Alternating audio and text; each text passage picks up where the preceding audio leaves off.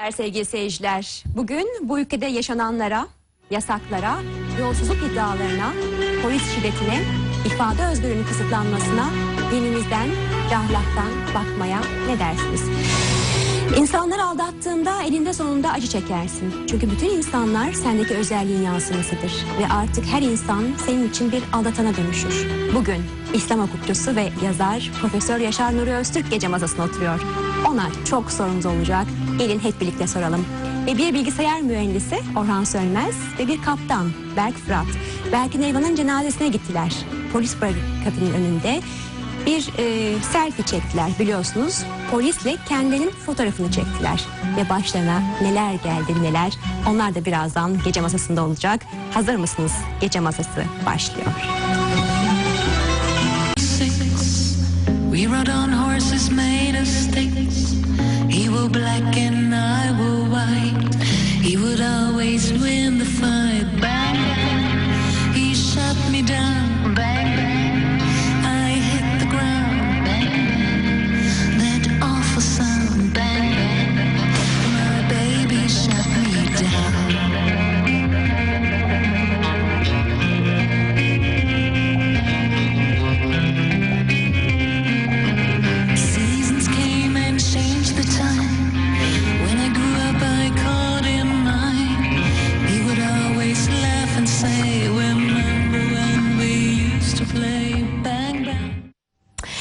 Evet sevgili seyirciler bugün Yaşar Nuri Öztürk'le gece masasına oturuyoruz. Hoş geldiniz. Nasıl? Başbakan sizi de üzdü. Geçmiş olsun dileyim öncelikle. Geçti biz öyle çok şeyler geçirdik. Şaşırdınız mı ama bu Ama- ses kayıtları ortaya çıkınca? Evet şaşırdım değil eee, yanıldığım çıktı ortaya. Niçin? Çünkü bunlar söylenmişti bana sade Show TV'de değil.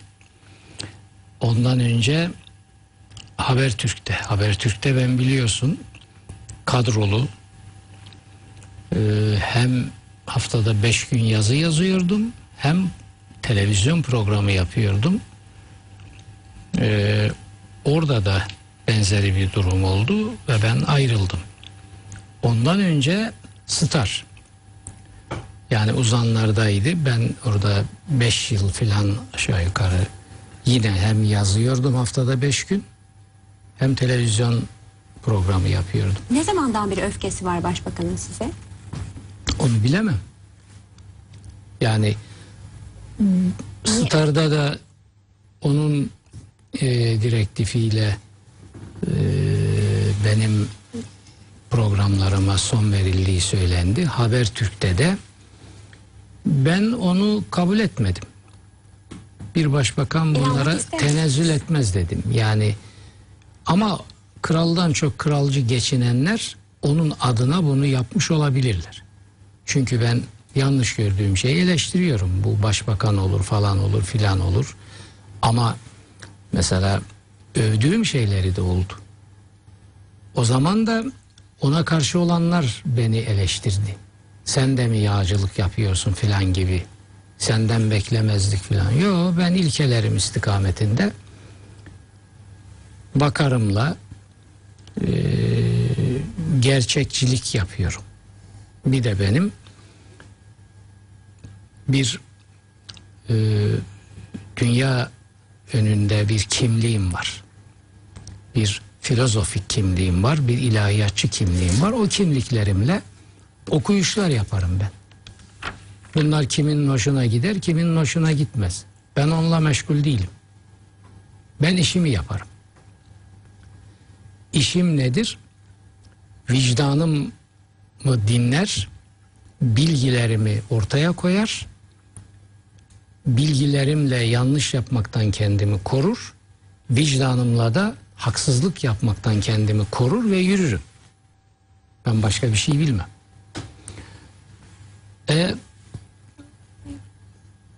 başbakanı övdüğümüz zamanlar oldu. Onun için sitemler dinledik biz. O zaman e, ses yok. Yani bize teşekkür gelmedi başbakandan. Yazdım. Yani köşe yazılarımda bunu yaptım ve ekranlardan söyledim defalarca. Ama bu dediğim üç kuruluşta demek ki hoşuna gitmeyen şeyler söylemişiz. Şimdi tasavvufta bir ilke vardır. Bir insan nefsi emmareye teslim ederse benliğini hoşuna gitmeyen hiçbir şeye tahammül edemez. Hoşuna giden ne söyleseniz onu da kendisinin anadan doğma ezelden hakkı sayar. Onun için de size teşekkür filan etmez. Bu nefs emmarenin tipik özelliklerinden biridir.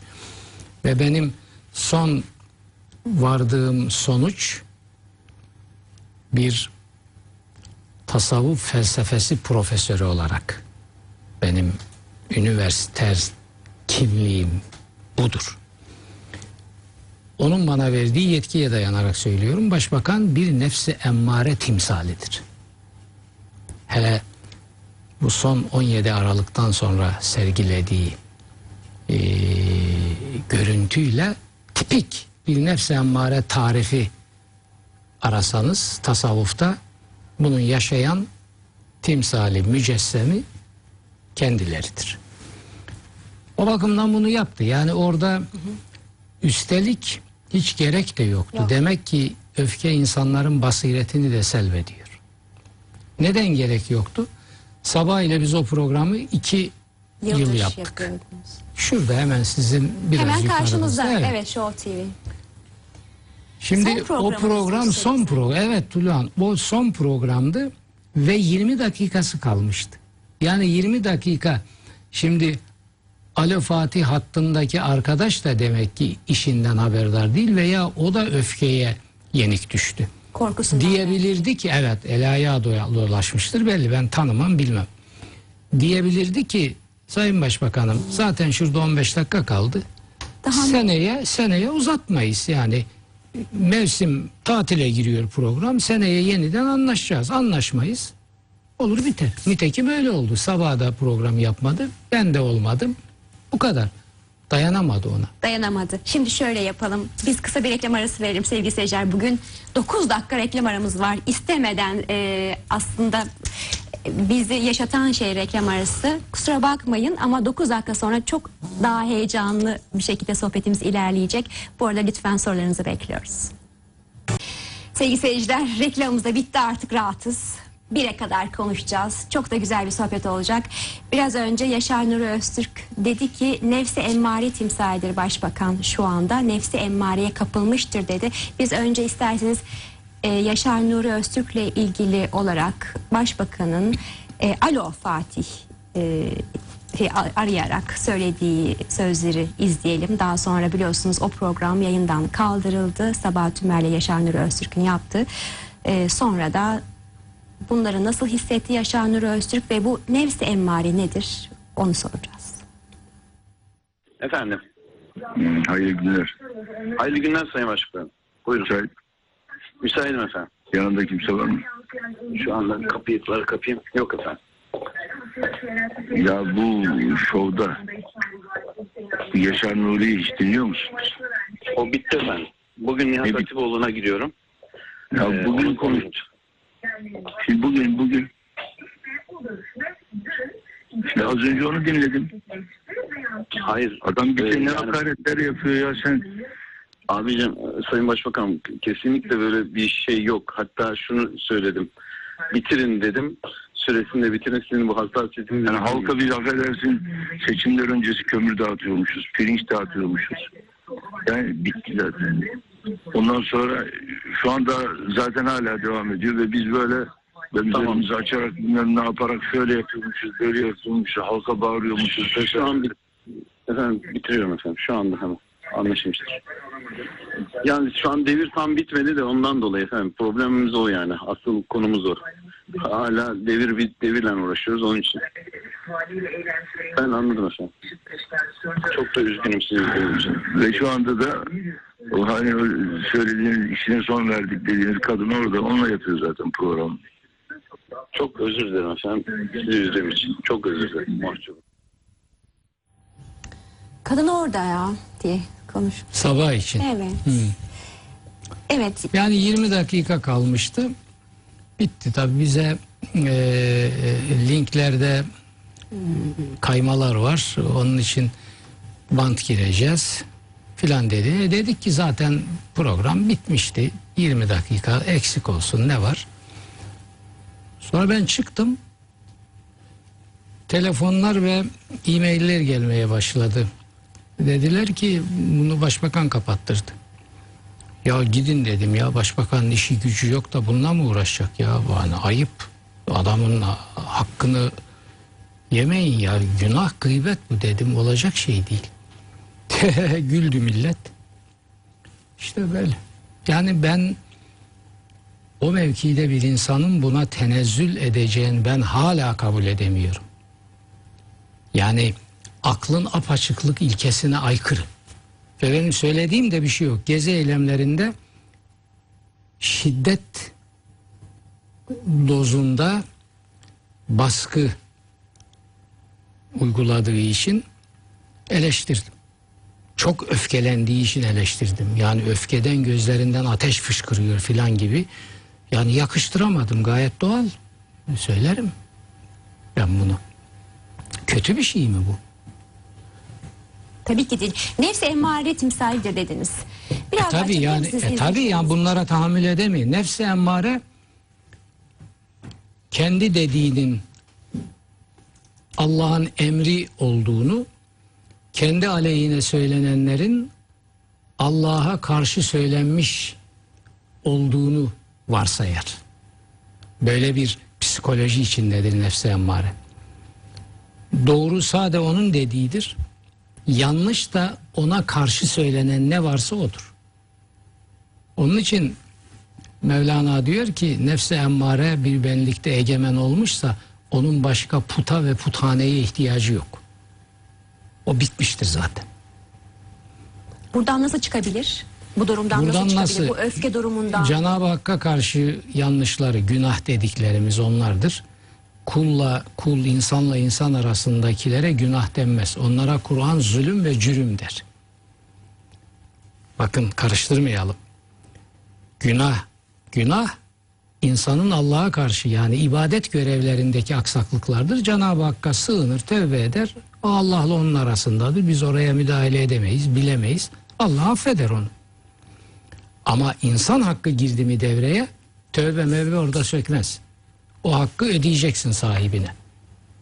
Nasıl? Kamu kamu hakkıysa bunun ödenmesi de zordur. Onun için kamu hakkı ihlal edenlerin bunun bedelini, cezasını ödemekten başka kurtuluşları olamaz. Yani şimdi nefsi emmare eğer son yolsuzluk olaylarını da dikkate alırsak Evet. başbakan ve ekibi açısından dönülmez akşamın ufkudur. Bunların cezalarını bunu ancak hukuk ödetir. Yani orada tevbe ettim ben. Siz bana hakkınızı helal edin. Bu İslam'ın terbiyesi içine maalesef bu İslam'a tamamen aykırı, tamamen müşrik bir anlayış olmasına rağmen İslam terbiyesinin içine sokuldu. Şimdi bakın Anadolu'da hepimiz biliriz. Biz Anadolu çocuğuyuz. Adam senelerce ocaklar yıkmış, canlar yakmış, haklar yemiş. Yapmadığı kötülük yok. Yetim dememiş, dul dememiş, aç dememiş, muhtaç dememiş, ezmiş, çiğnemiş. Sonra servetini yapmış, gücünü tahkip etmiş. Yaş da gelmiş belli bir yere. Öbür tarafı kurtarmanın cin gözlüğü içinde. Ne yapar? Hacca gidecek. Umre'ye gidecek. Neyse. Ha demişler ona.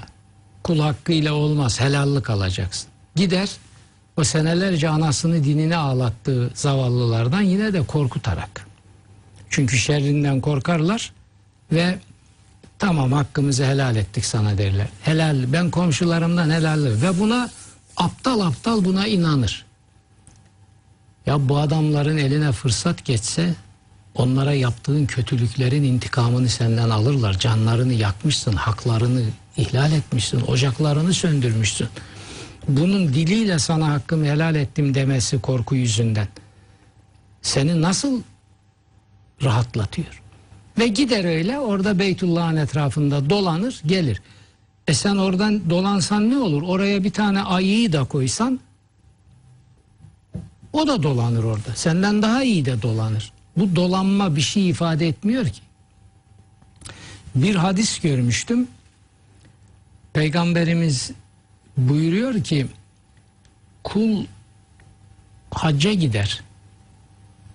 Beytullah'ın etrafında tavaf eder, lebbeyk lebbeyk der. Yani emir senin Rabbim sen ne dersen o olur ben emrindeyim filan demek lebbeyk. Buyur yapayım. O lebbeyk dedikçe diyor ona Cenab-ı Hak la lebbeyke ve la sadeyk denir. Defol senin lebbeykin de senin olsun defol git huzurumdan der. Niçin der bunu biliyor musunuz? Eğer diyor o hacca geldiği gelirken kullandığı paranın içinde haram varsa kul hakkı varsa ya bir de bütün servetlerini şöyle sıksan mazlumların kanı damlayacak adamları düşün. Bunları hangi tövbe kurtaracaktır? Bu terbiyeyi kim vermiştir? Bu Allahsız bir terbiyedir. Bunun Allah'ı dini, bu Kur'an'ın terbiyesi olamaz. Sen hacca giderken komşunun kapısını çal, zaten korkuyor şerrinden. Hakkınızı bana helal edin. Ne ettim dedi o da. Bir nevi bu sandık da böyle bir mesele. Gayet tabii yani canım.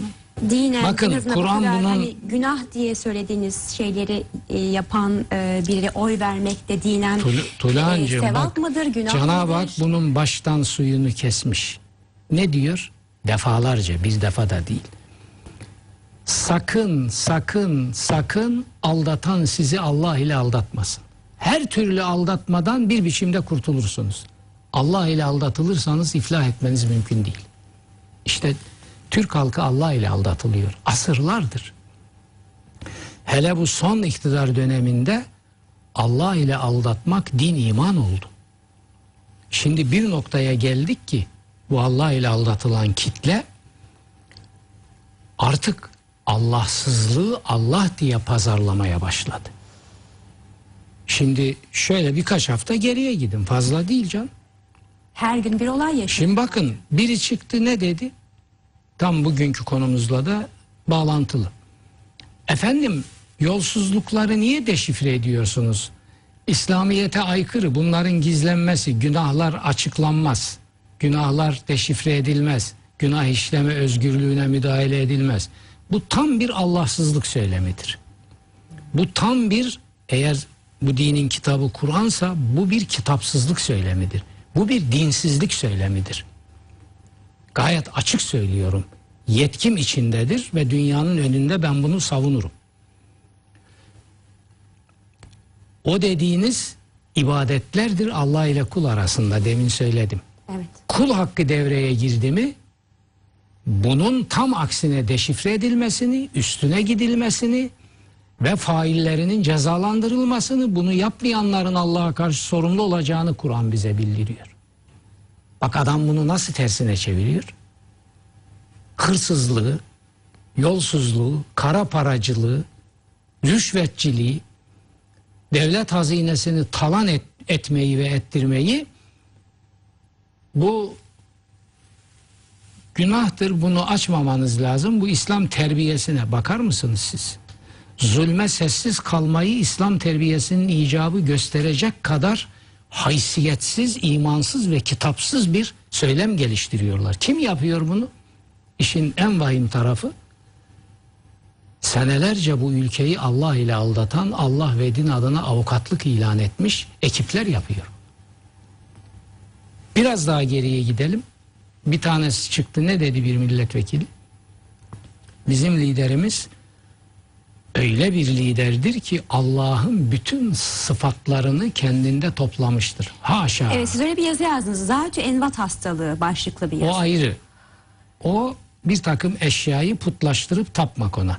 İşte türbelere, ağaçlara, bez bağlamak şunu. Evet, Onlar basit şeyler. Bu daha mı kötüsü bunun? Sen ne diyorsun canım? Bakın Kur'an vahyine karşı çıkan ve peygamberin baş düşman ilan ettiği Ebu Cehiller, Ebu Lehebler ve benzeri büyük kodaman müşrikler şirklerinde bu kadar kötü olmadılar. Olmadılar. Olmadılar. Çünkü onların dediği şudur. Açın Kur'an'ı okuyun. Kur'an bunu veriyor bize. Onlar Allah'ı kabul ediyorlardı. Allah'ın bazı niteliklerini şüreka dedikleri Allah'a ortak koştukları kişilere veya eşyaya veriyorlardı. Bazı niteliklerini. Bugün 21. yüzyılın bilmem kaçıncı yılında Türkiye gibi bir ülkede Allah ve din adına adeta hegemonya kurmuş bir ekibin sözcülerinden biri ne diyor? Allah'ın bütün niteliklerini taşıyan bir liderimiz var diyor. Yani Ebu Cehil ve Ebu Leheb şirki bunun yanında çok basit kalıyor. Bütün niteliklerini. Yani bizim liderimiz eşit Allah. Allah eşit bizim liderimiz. Ama bir yandan da bakıyorsunuz mesela Ve buna itiraz yok. Bakın. e, işte halk mesela Bakın şimdi halkı e, bırakın canım bu annesini e, yuvalatan konuşma. ya bir metre bir metre bez için Allah'ımızın emridir ki Allah'ın emri değildir baş örtmek, başı kapatmak, abdest uzuvları o emrin içine girmez. Kur'an'ın tesettür emri var fakat o başı içermiyor. Hiç yalan söylemenin bir alemi yok. Kur'an ortada. Orada başörtüsü lafı geçiyor diye o emir değildir. Vücut ifade eden emrin şartları var. Kime yutturuyorsunuz siz bunu? Bu, bu işleri bilen insanlar var bu ülkede. Şimdi onu din yapıyor, onu göklere bu yanki tarafta bir adamın Allah'lığı ilan ediliyor, ses yok. Şimdi gelelim birkaç gün önceki hadiseye. Kur'an'la nasıl alay edildi? Bakara ne makara Efendim neler var? Ben onu ekrana programıma taşıdım. söyledi. 7-8 tane açıkça İslam'ın bütün mezhepleri açısından küfür ifade eden tespitler var orada. Konuşmalar var. Ses yok. Hollanda'da bir tane resim çizdi adamın biri peygambere hakaret diye algılandı diye biliyorsun dünya ayağa kalktı. Salman Rushdie diye bir adam çıktı bir talihsiz. Şeytan ayetleri diye. Yani dolaylı zorlasanız tevil edersiniz onu demek istemedi filan da diyebilirsiniz. E, hakkında Hümeyni'den başlayarak İslam dünyasının hangi fetvaları verdiğini hep birlikte gördük. E burada ne oluyor? Burada ne oluyor? Kur'an ayetleriyle açıkça alay ediliyor. Ve ben bunun üzerine Kur'an'a bir daha baktım. Bu Kur'an ayetleriyle alay etmeye Kur'an nasıl bakıyor? Şimdi onu yayınlayacağım, köşeme taşıyacağım. iki veya üç yazı. Nasıl bakıyor? Nasıl bakıyor bak. 35 tane ayet var ve hem de bu 35 ayet istihza tabirini, istihza Türkçe'de de var, alay etmek demek. Bu istihza tabirini isim ve fiil olarak kullanarak Allah'a ve Allah'ın ayetlerine hakareti, onlarla alay etmeyi gündem yapıyor. Bu açık küfür alametidir. Yani bunu yapanların toplumun önüne çıkıp biz bizi küfre götürecek bir yanlış yaptık. Demeleri lazım. İmanımızı yeniliyoruz. Buna tecdidi iman denir. Bunu söylemedikleri sürece bu insanlara Müslüman muamelesi yapılamaz. Bunların cenazeleri kılınamaz. Bunlar Müslüman mezarlığına defnedilemez. Ve İslam'ın bütün mezhepleri burada müttefiktir. Bir tanesi de şöyle böyle bir şey yok. Hepsi aynı düşünür. Bunu bu kötülüğü yapanlara buradan söylüyorum. Yine onlara yine Allah rızası için bir iyiliktir. Bu kıymetini bilsinler. Derhal tecdidi iman edip tövbe edecekler. Ve tabii buradan bir şey daha söylememiz lazım. Çok meslektaşım söyledi sağ olsunlar ben de söyleyeyim. Bu diyanet ne yapıyor bütün bunlar olurken? Ben de size tam onu soracaktım. Bu diyanet bir adamın Allah'lığı açıkça ve Ebu Cehil şirkinden daha kötü bir şekilde ilan edilirken ne yapıyor? Haram olsun ona bizim verdiğimiz vergiler. Biz ona bunlara seyirci kalsın diye mi o vergileri veriyoruz? Beş buçuk katrilyon alıyor Türkiye'nin bütçesinden. 12 bakanlığın bütçesinden daha fazladır. Öbür taraftan Kur'an ayetleriyle alay ediliyor. Ne yapıyor bu? Ne yapıyor? Biz bunun için mi veriyoruz? Bunun için mi veriyoruz? Peki biraz Ve bu bakın bunu bunu yapıyor. 100 bin cami var bu ülkede. Bu 100 bin cami bu yapılanlar, bu Kur'an dışılıklar, bu din dışılıklar, bu kitapsızlıklar, bu şirk, bu müşriklikler işlensin diye mi o 100 bin camiyi biz finanse ediyoruz? Ve soruyorum ben Diyanete buradan ve herkese. Böyle Diyanetin beratla gidin buralarda namaz kılın, cuma kılın dediği camilerde İslam fıkhına göre namaz kılınır mı? Kılınmaz hiçbirinde. Hani İslam fıkhında gelenekseldir gerçi. Esasına terstir işin çünkü cuma namazı cemaatle kılınır. Her yerde kılarsınız. Nitekim doğudaki vatandaşlarımız açık arazide cuma namazı kıldılar. Kafa tuttu ona diyanet olma. Bal gibi olur. Kur'an böyle bir şart getirmemiştir. Cemaatle kılınacak tamam farkı odur. Nerede kılıyorsa orada kılar. İş yerinde kılar. Açık arazide kılar. Deniz kenarında kılar. Dağ başında kılar. İş ye istediği yerde kılar. Cemaat olacak. Fark bu. Peki korkunuz yok mu? Böyle Berat Berat bir dakika. Berat veriyor. Şu camide cuma kılınır şu mekanda. Bu Diyanetin verdiği beratla orada kılınır mı namaz? Kılınmaz. Hiç Kılınmaz. korkunuz yok. Ne korkusu? He? Yani çok cesur konuşuyorsunuz. Ya bunlar sokak lafı. Bunları yapmayın. Ben burada ne diyorum? Ben burada kimsenin şirketinin gelirlerine sekte vurmuyorum. Ben mafya babası değilim. Yani kimsenin parasına, puluna, ekmeğine, aşına. Ben burada bağlı olduğum Kur'an diye bir kitap var. O kitabın verilerine göre uyarı yapıyorum.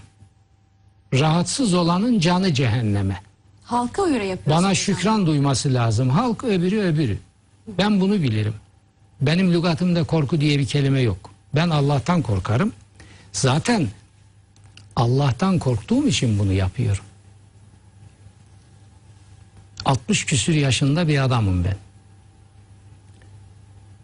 Bu saatten sonra benim Allah korkusunun yerine insan korkusunu koymam büyük bir şerefsizlik ve imansızlık olur. Ben bunu yapacak adam değilim. Zaten beleşten yaşıyorum. İki, iki buçuk sene önce geçirdiğim ameliyatta ben vasiyetimi yazmıştım. Gidiyorum öbür tarafa diye. Cenab-ı Hak yok gitmeyeceksin dedi. Yapacağın iş var. Geri dön. Buradan alacağın dersi al ve devam et. Şimdi onun için bu sualleri bana sorma. Ben işimi yapıyorum. Ve herkesin bana teşekkür borcu vardır bu bakımdan. Çünkü bunları bu ülkede her biri birer devrim gibi ben gündeme getirdim. Bu ülke bu dinin kitabında Allah ile aldatmak diye bir kavramın olduğunu bilmiyordu. Bu ülke bu dinin kitabında kamu haklarına musallat olanların dinsiz ilan edildiğini Maun suresini Maun bilmiyordu. suresi. Tamam mı? Bu ülke bu dinin kitabının dinci dinsizlik kavramına yer verdiğini bilmiyordu yine Maun suresinde. Bu, bu ülke dininin kitabında bazı namazların Allah'ın rahmetini değil lanetini getirdiğini bilmiyordu. O da Maun suresinde. Bunları ben söyledim bu ülkeye. Kur'an'da vardı ama üstünü örtmüşlerdi.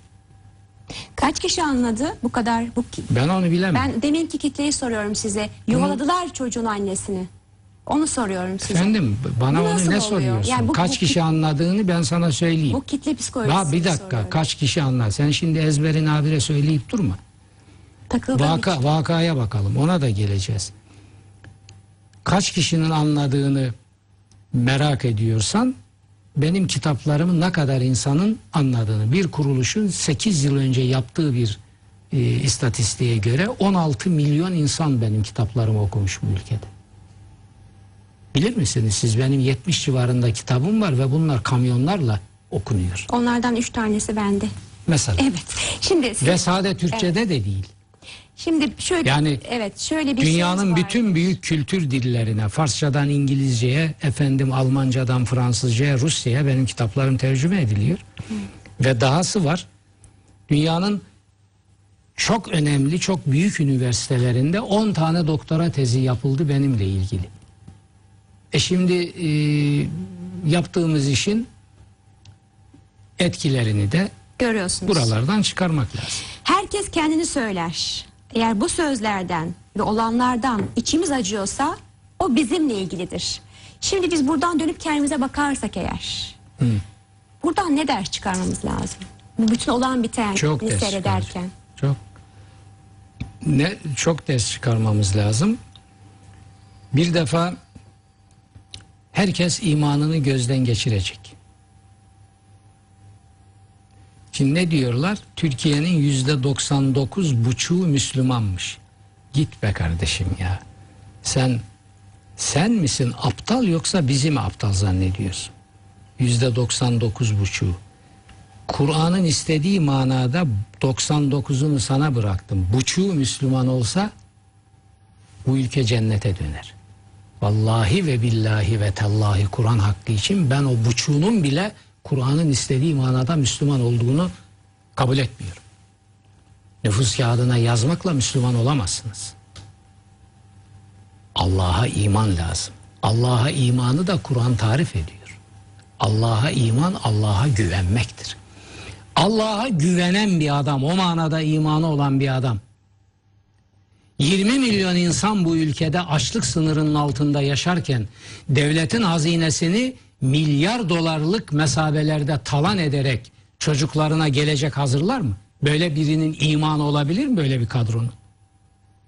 Siz ne diyorsunuz ya? Ve bunu yapanlar bu din adına avukatlık yapanlardır. Sıradan sokaktaki insanlar değil. E gerisini siz varın düşün. Niçin bunlar bütün bunlara rağmen destekleniyor? Çünkü bu halk büyük hırsız ve talancıların, büyük maun suçlularının çaldıklarının kırıntılarından sebeplensin diye onlara destek veriyor. Onlara finoluk yapıyor. Bu halk da suçlu. Sen ne diyorsun? Gayet tabii. Bakın Kur'an ilkeyi koymuş. Rahat suresi 11-13. Allah bir toplumu bireyler olarak o toplum kendi içlerindekini değiştirmedikçe toplum olarak değiştirmez. Tam mana budur. Bunu savsaklarlar tam mesaj anlaşılmasın diye. Tabir aynen şu. Ehli dinlesin.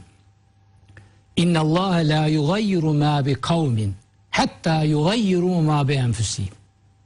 Daha Türkçeleştireyim. Allah bir toplumun toplum olarak kaderini iyiye doğru değiştirecekse o toplum kişiler olarak kendi içindeki düzeltmeleri yapmaları lazımdır. Biz o dönemi mi yaşıyoruz şu an? Şimdi bakalım Bir kırılma noktası mı yaşıyoruz? Bakalım göreceğiz. Şimdi Allah Türkiye'yi ben e, 15 yılı geçti 20 yıl 20 küsür yıl önce yazmışım ilk Maun suresi ile ilgili yazımı Hürriyet'te yazıyorken. Maun suresi Türkiye'yi tokatlıyor diye yazının başlığı bu. Arşivlerde var. Bakın sonra kitap oldu bu 400 sayfalık kitap oldu. Tokatlıyor mu tokatlamıyor mu? 17 Aralık sonrasına bakın. Maun suresi tokat değil artık tekme vuruyor. Türkiye'ye. Türkiye o- o- Türkiye özellikle bu 17 Aralık sonrasında bu yediği tokat ve tekmelerle kendine gelmezse Allah Türkiye'yi göçürür. Göçürür. Hiç kimse Allah'a aciz bırakamaz.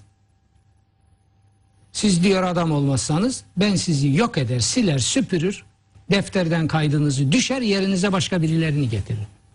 Sen Allah'la yarış mı yapıyorsun? Kimsin sen? Ben anlı şanlı Türk tarihi bilmem. Tamam anladık güzel de adam olursan. anlı şanlı Türk tarihi mi? O zaman o anlı şanlı tarihe layık ol. Bu Türk halkının sınavı diyoruz. Çanakkale'ye layık ol. Kurtuluş Savaşı'na layık ol. Üstelik çok Kelime-i şehadetin Haçlı istilasına karşı savunmasını yapan 260 yıl Haçlı saldırılarına karşı karşı duran kimdir?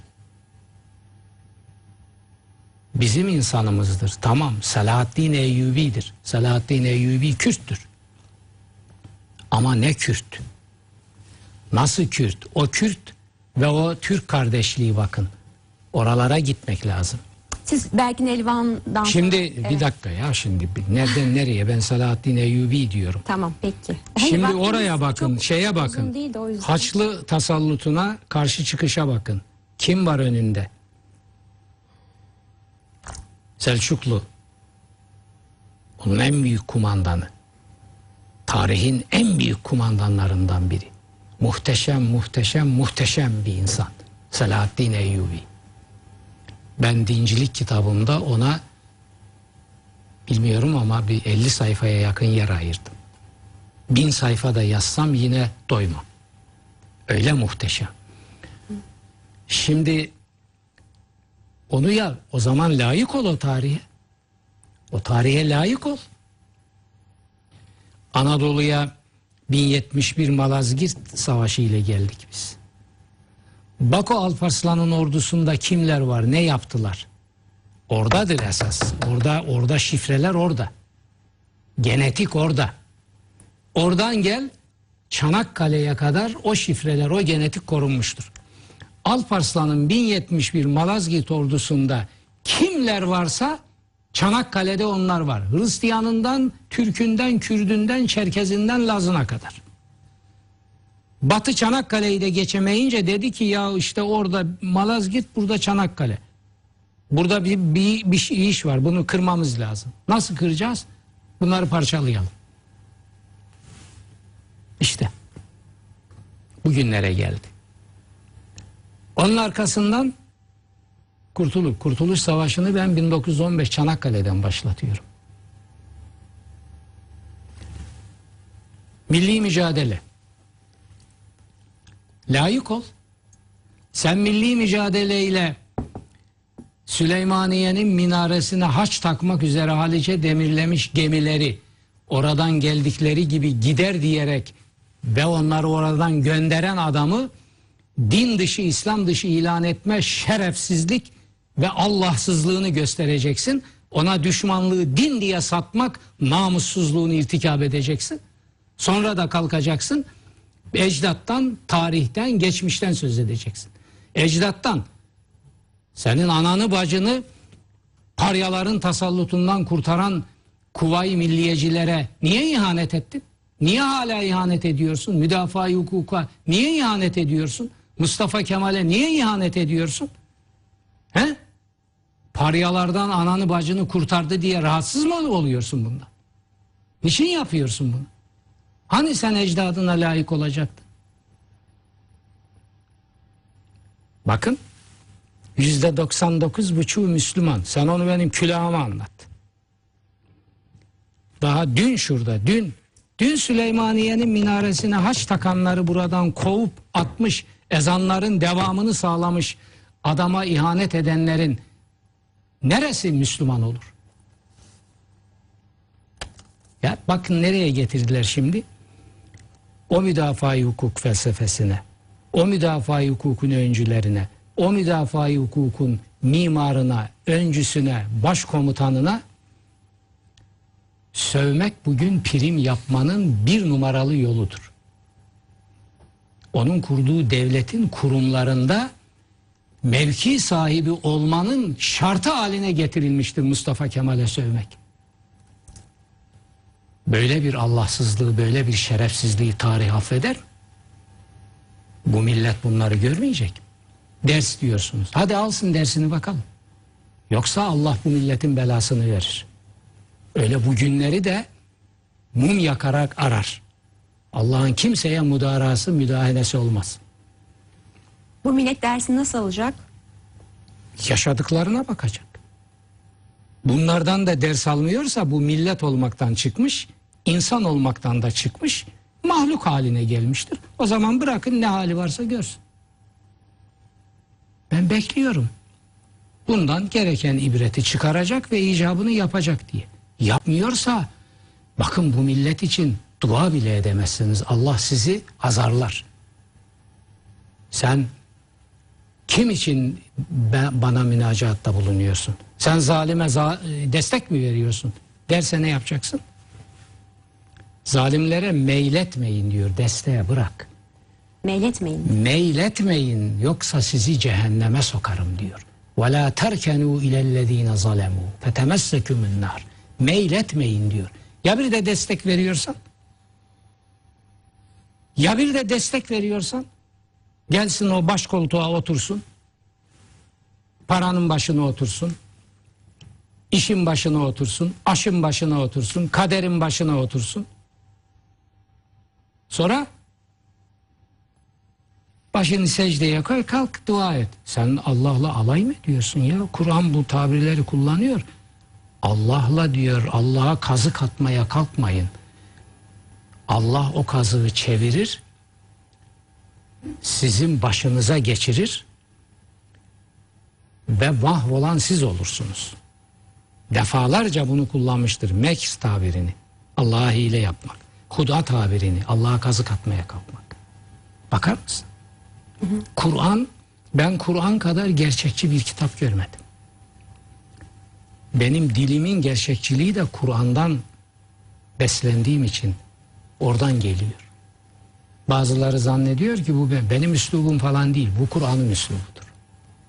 Kur'an gerçekçi bir kitaptır. Diyor ki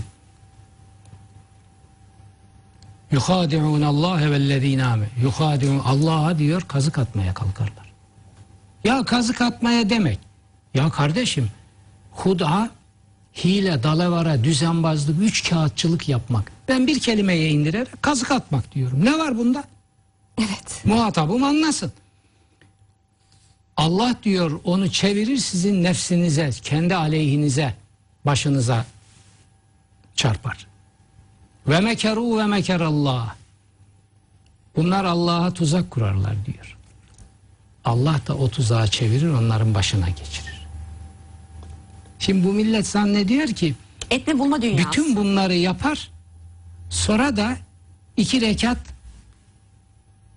Muaviye sünnetlerinin ihya edildikleri mescidi zırarlarda yatar kalkar işi kapatır. Yok öyle yok. Yok. Maun suresini okuyun. O namazların lanetten başka bir işe yaramadığını Kur'an bize haber veriyor. Ya bir, bir kitap böyle bir kitap böyle bir kitap gördünüz mü siz? Kardeşim temel ibadetlerinden biri bir numaralı ibadet değil onu da yalan söylüyorlar. Bir numaralı ibadet okumaktır Kur'an'a göre. Ama namaz temel ibadetlerden biridir. Bu namazı kılmayanları Kur'an ne lanetler ne de tehdit eder. Uyarır, teşvik eder, sakındırır tamam. Ama o namazı kılar ama menfaatlerine alet edenleri lanetliyor. Evet. Şimdi size soru sormayayım mı? Nasıl yapalım? Böyle devam edelim? Size soru sorabilir miyim? Sor canım. Berkin Elvan'la ilgili soru sormak sor istiyorum. Berkin benim ciddi iştigal alanım. Ben şimdi hemen bir şey söyleyeyim. Berkincik bizim yavrumuz, canımız, ciğerimiz. Boncuk gözlü kara boncuk Berkin. Enteresandır. Ben yıllardır bir türlü rötuşlarını tamamlayıp baskıya veremediğim bir kitabım var. Önemli bir kitaptır. Ebu Zer. Peygamberimizin ilk dört büyük arkadaşından biri ve tarihin ilk ve en büyük sosyalisti bir sahabi. Emevi zulmüne ilk isyan eden de odur. Peygamberin ilk dört büyük arkadaşından birini gündeme getiriyorum. Bu Ebu Zer kitabını şu Allah'ın takdirine bakın. Tam matbaaya vereceğim günlerde son rötuşlarını yaptım bitti artık. Matbaadan gün işte şunu bunu filan böyle konuşuyoruz ediyoruz. Berkin olayı çıktı. Ve ben ne yaptım uzatmayayım ön sözünde yazmışım zaten. Ebu Zer gibi çok önemli bir kitabımı başta Berkin olmak üzere gezi şehitlerinin anısına ithaf ettim. Çıkar yani bir iki ay içinde en geç çıkar kitap. Evet. Şimdi Berkin meselesiyle ciddi biçimde ilgiliyim. Ee, dört tane de yazı yazdım. Berkin'le ilgili. Belki gene yazacağım. Sor. Evet ben son yazınızı okudum. Berkin Elvan'la ilgili ve Gayet. bunun günahı çok büyük. Gayet tabii. Şimdi bakın öyle Berkin nice mazlumlar var. Berkin Sabi. Masum. Sabi, Sabi. 14 yaşında. 14 yaşında bir Sabi ekmek almaya gidiyor. Orada katlediliyor. Şehit oluyor. Şimdi bu Sabi mazlumun hayatı elinden alındı. Doğrudan ve dolaylı failleri belli. Belli canım şimdi birbirimize aptal muamelesi yapmayalım. Azmettiricileri var. Şimdi ben bir hukuk adamıyım aynı zamanda. Yani senelerim avukatlıkla geçirmiş bir adamım. Failleri var. Azmettiricileri var. Belli bunlar. Şimdi böyle bir mazlumun ahı yerde mi kalacak?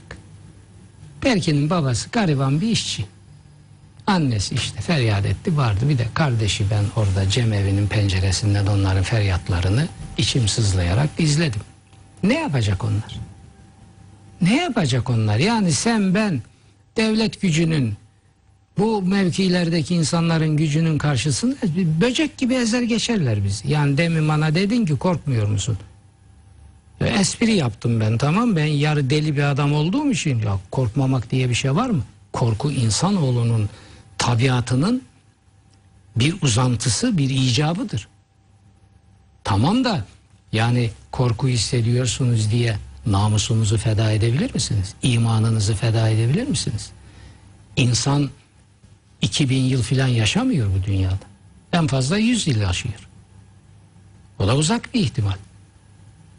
E ben zaten bunun üçte ikisine yakınını yaşamışım. Ben şimdi ba- bana vız gelir tırs gider. O halde Berkin'in ve benzerlerinin daha nice Berkinler yani Berkin Sabi diye Berkin hep dilimize e, geldi oturdu. Sembol. Bakın e, Berkin diyorsunuz. Evet. İnsan bu nihayet insan. Yaşı ne olursa olsun. İdama mahkum ettikleri bir adam. Türk ordusunun genelkurmay başkanı. Mertebesine bakın. Kendisi söylediği için ben de söylüyorum. İdam cezası olsaydı bizi asarlardı dedi değil mi? Başbuğ. Başkan, Genelkurmay Başkanımız söyledi bunu. Evet idam cezası yoktu müebbet. Ağırlaştırılmış müebbet. Bakar mısınız? Bakar mısınız? Şimdi yanlış yapıldı. Sorry. Kumpas kurdular. Bilmem cemaat falan. He.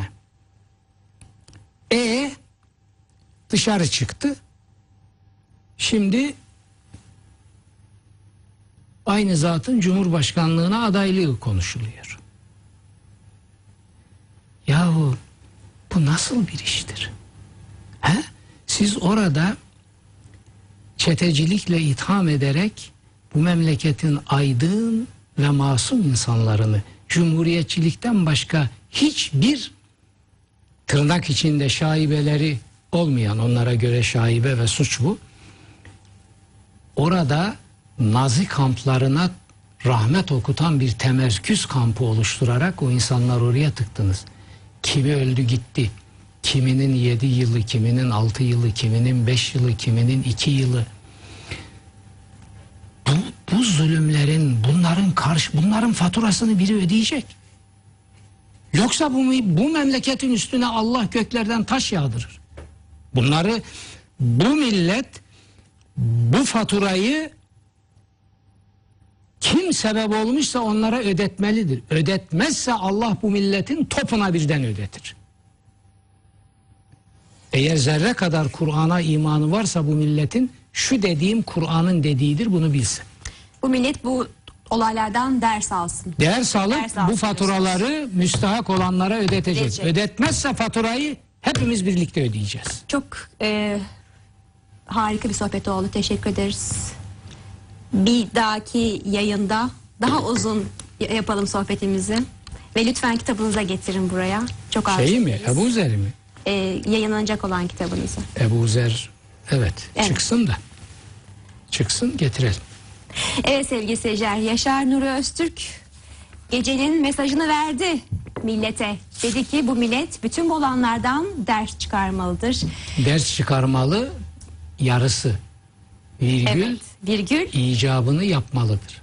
icabını yapmalıdır. Yapmalıdır. Bu gecenin yani özeti. hukuk icabını yapar. Siz sopayla kimseyi dövüp de icap yerine getiremezsiniz. Bu yol değildir. Bu yol değil. O bu zulme zulümle mukabele. Hukuk. Hukuk adına işlenen cinayetleri hukuka temizleteceksiniz. Hukuka faturalandıracaksınız. Hukuk tarihinde büyük hatalar vardı. Türkiye gibi hukukun ayaklar altına alınıp çiğnendiği, hukuk devletinin katledildiği bir ülkede tabi bunlar doğru çıktı. Ama burada bile bunları hukuk tamir edecektir. Çok teşekkür ediyoruz. yargıçlık adına yine başbuğun ifadesiyle vicdansızlık yapmışların faturalarını kim ödetecek onlara? Yargıçlık adıyla hakikaten yargıçlık yapan hukuk vicdanı taşıyan adamlar ödetecek. Eli sopalılara ödetemezsiniz bunu. Hukuk bunları yapacak.